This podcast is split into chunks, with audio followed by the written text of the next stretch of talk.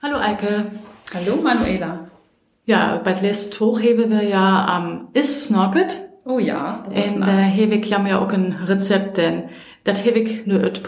Oh, wat fein. Ja, das was wirklich lecker. En? Ja, ich bin so ein Leid auf a, auf a Spur kiem dadurch. heb ja Fritte gehet.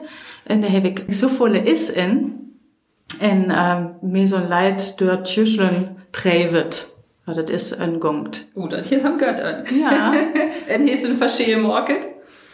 Äh, ja, Ei regional aus ähm, von, von der Qualität. J. Ich wusste, lest wag, ähm, bei Erik Steensen, die hat hier so ein Ist-Manufaktur. Sag, wie wieder bei Thema ist. Ja, Vor alle manche, was das Eisel im Mauer wann. Heb ich mal Erik schnorket, ähm, die Maut nämlich sind ist, äh, die Mulke von sind 1K. Volle Spaß, der Mann.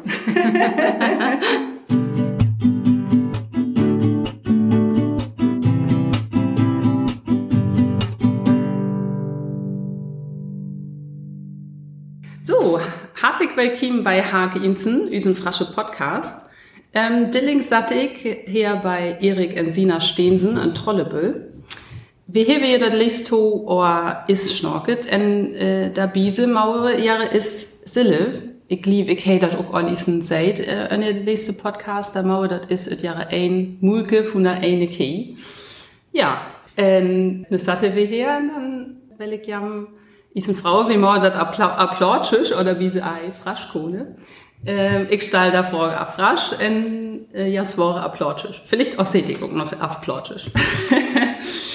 so, dann vertellt doch ich ein Hum Sanjam und wat mau jam endlich. Ich bin Sina. Und ich bin Erik. Ähm, ja, wir sind ähm, die klassischen Buren ähnlich wie Mucken McFay. Schon in der fünfte Generation. Und ähm, wie man ja schon so oft auch mitkriegen hat, ist, äh, die Marktpreise sind ja nicht immer so toll für uns und am Tor echt. Oder auf jeden Fall können wir sie nicht beeinflussen und so sind wir auf die Idee gekommen, praktisch statt wie is mucken. Ja, wo ist das ein Tit, wer die Mulkpreis so hin wusste, wer das ein Tit, wer, wo der Melkpreis äh, ganz innen wäre, oder? Genau, Ja. die wäre Timmy sieht dann. Ähm, das wäre die Tit, wo wir praktisch, ähm, wo alle Buren bestohlen werden mit den Trägers. Wo wir am Demonstrieren wären und das haben bestimmt alle mitkriegen. Ähm, überall Berlin, ähm, Rendsburg, überall sind ja die Träger wählen und haben demonstriert.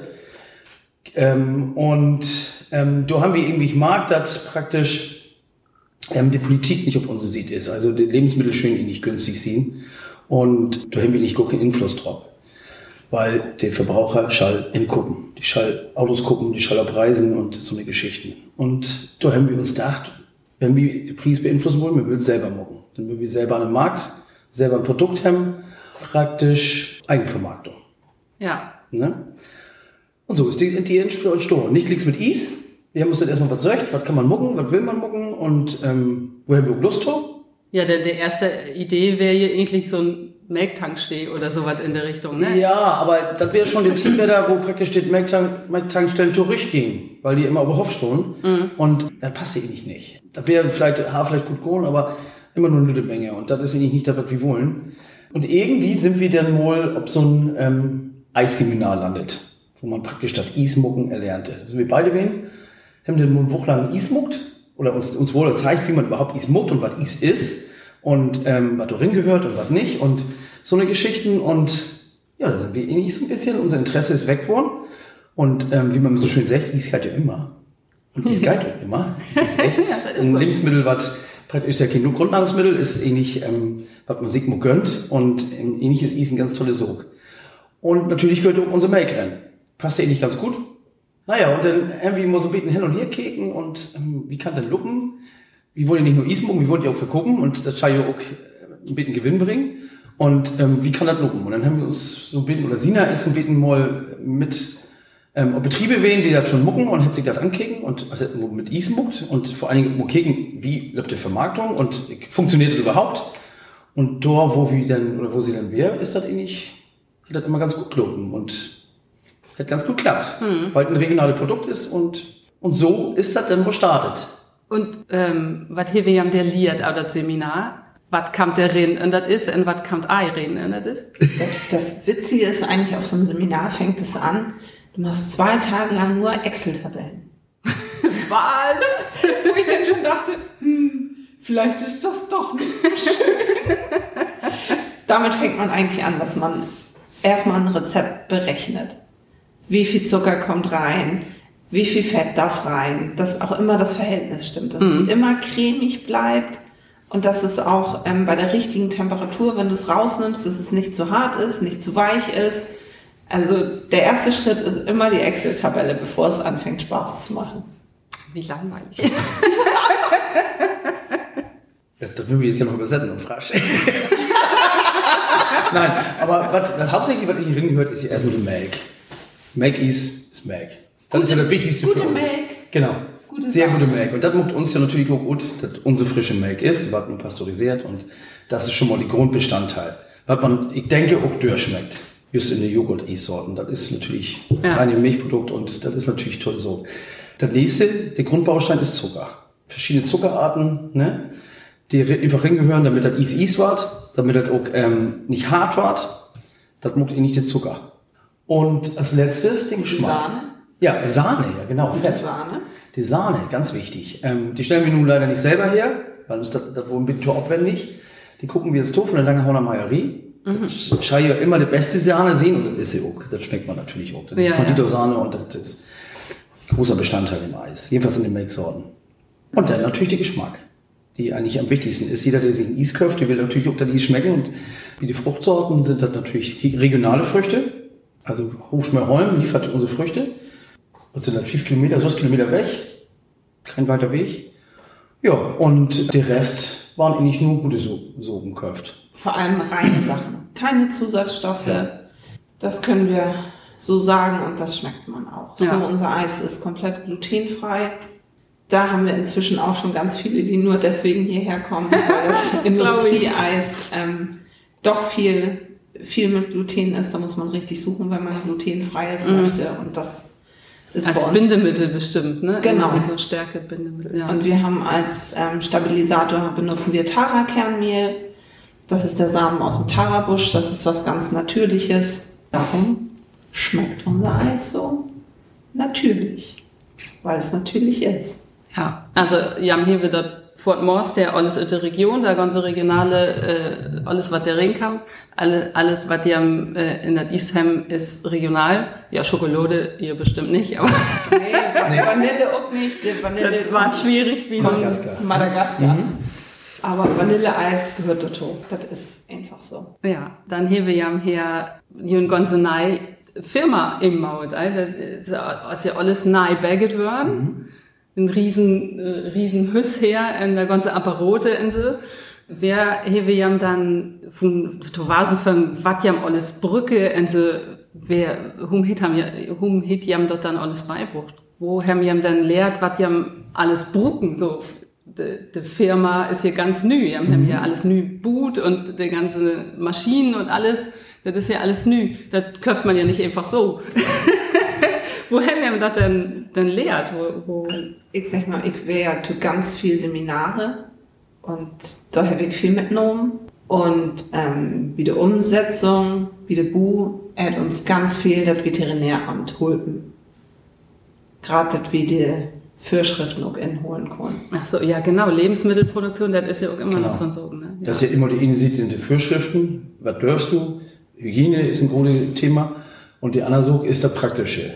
Wie ich auch was schaffen und ähm, das muss auch einfach sehen. Ne? Und ähm, du willst auch nicht alles drehen in der Hand haben. Und ähm, das hast du ja auch gesehen hier, das ist, wo sie mitholen hat, wo du mitholen hast hier. Genau. Ne? Ähm, wie muckt der eine das, wie muckt der andere das? Was brucht man, was brucht man nicht? Also die Hersteller würden dir immer gerne was vergucken. ja, ja, genau. Ähm, die würden gerne, dass du alles rundherum und deren Produkte auch nimmst und da hören wir uns nicht von mehreren Herstellern das beste Utzeugt.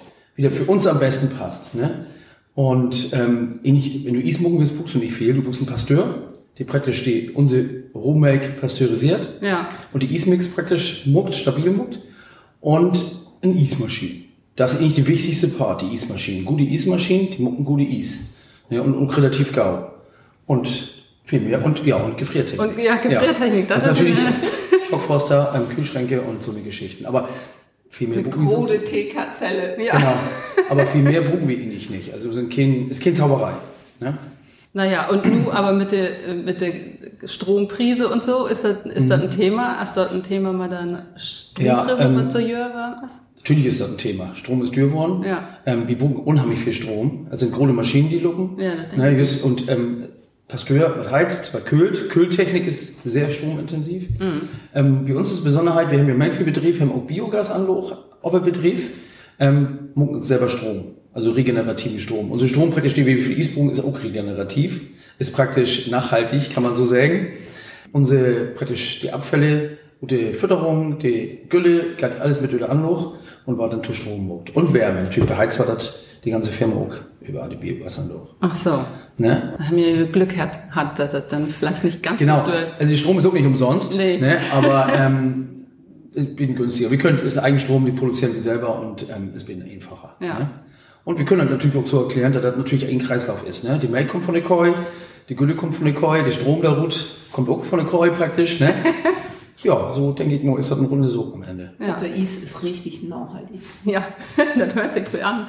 ganz modern. Ja, das passt jetzt fürs so, ne? Das Ja. ist einfach so. Und ähm, naja, uns wäre aber natürlich auch wichtig, dass neue Gebüde, dass das auch überhaupt ist. Ne? Also die Leute, die hier vorbeikommen, die auch hier Eis holen, oder Eistorten mucken wir auch, die die Eistorten holen, die können ja natürlich auch sehen, wo sind die Koi?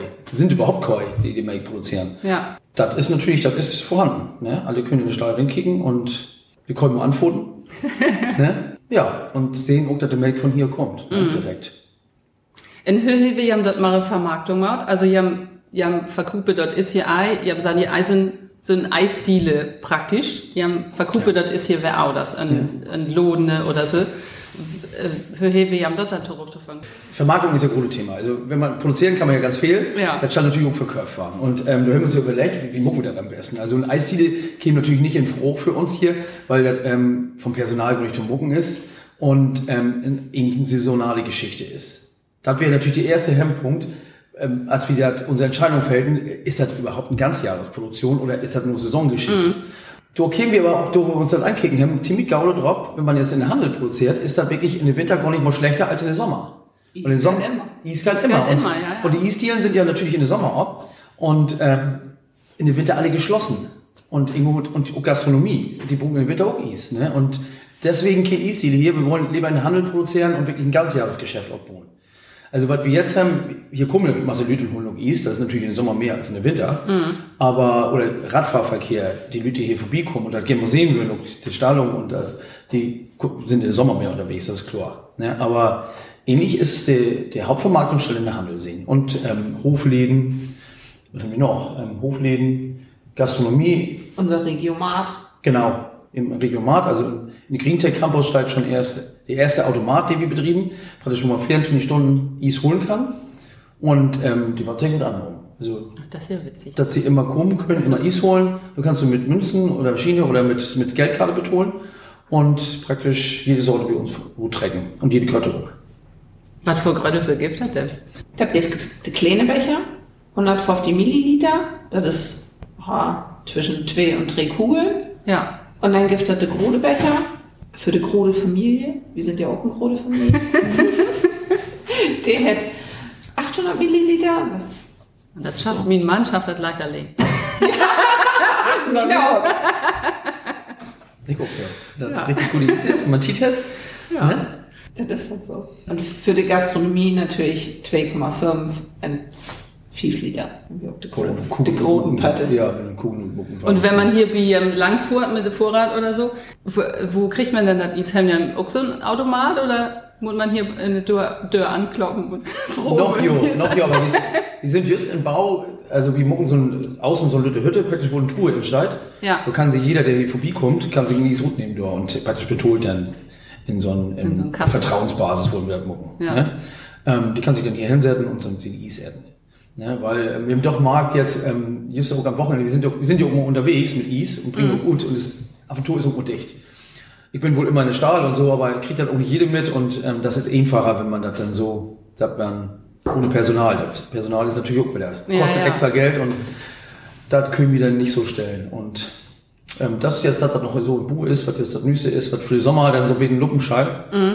dass Nüsse auch wirklich sich ein Eis nehmen können und eventuell vielleicht auch einen Kaffee, ne? da sind wir jetzt noch nicht so ganz in der Umsetzung, aber die Frogen wäre mich schon da, man einen Kaffee kriegen kann und so eine Geschichten. Und dann man gemütlich hier mal sitzen kann, Rast mucken kann und dann noch hier wieder fort. Ja, gute Idee. Ja, und ähm, was für Issorten haben wir denn und was ist das liebste von ihr? Oh, wir haben inzwischen so viele. Vanille, Schokolade, Erdbeer ist ein Sorbet ohne Milch. Ja.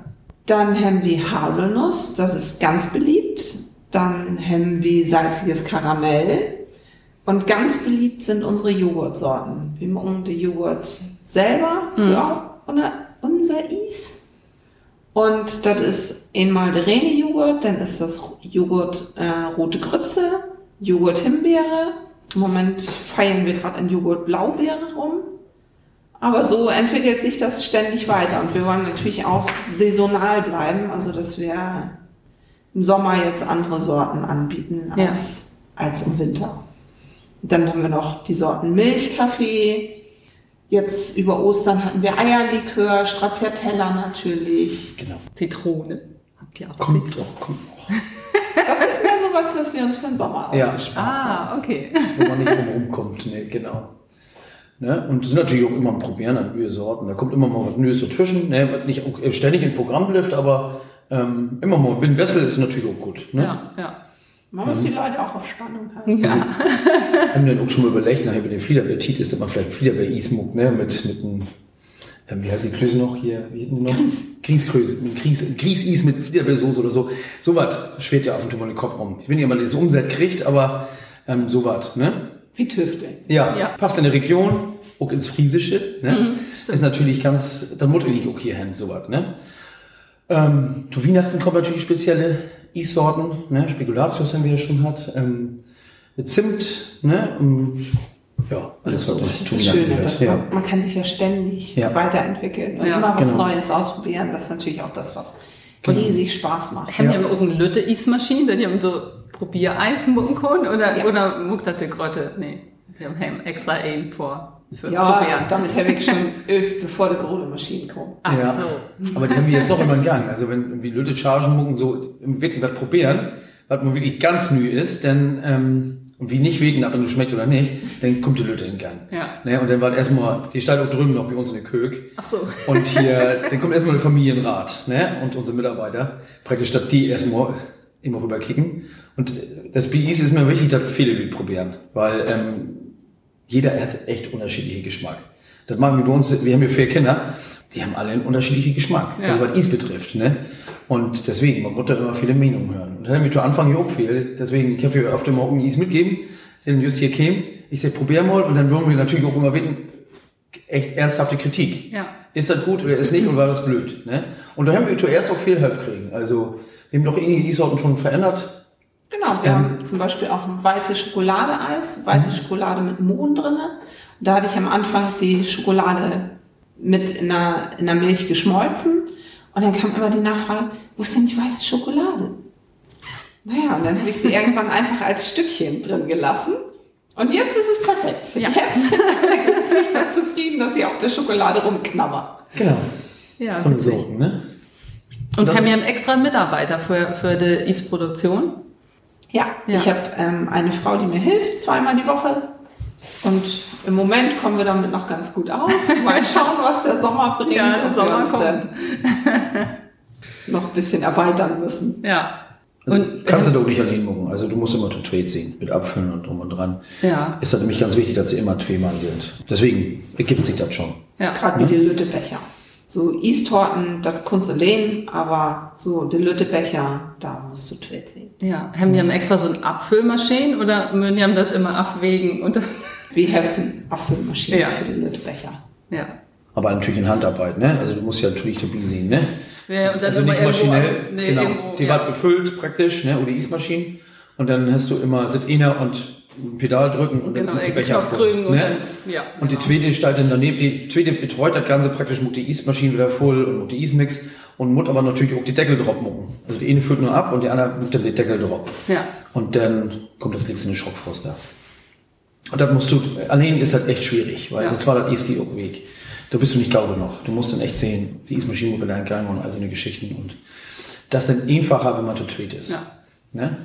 Und unsere Kinder helfen auch auf dem Tumor, die würden auch gerne mal helfen und auch auf dem Tumor Groschen. naja, und die helfen auch ganz viel. Also just hier in der East-Geschichte sind die sehr viel mit beteiligt. Ne? Genau. Wir haben uns am Anfang nicht getraut. Ähm, du hast so Mindestabnahmegrößen für Becher und die sind, sind recht hoch.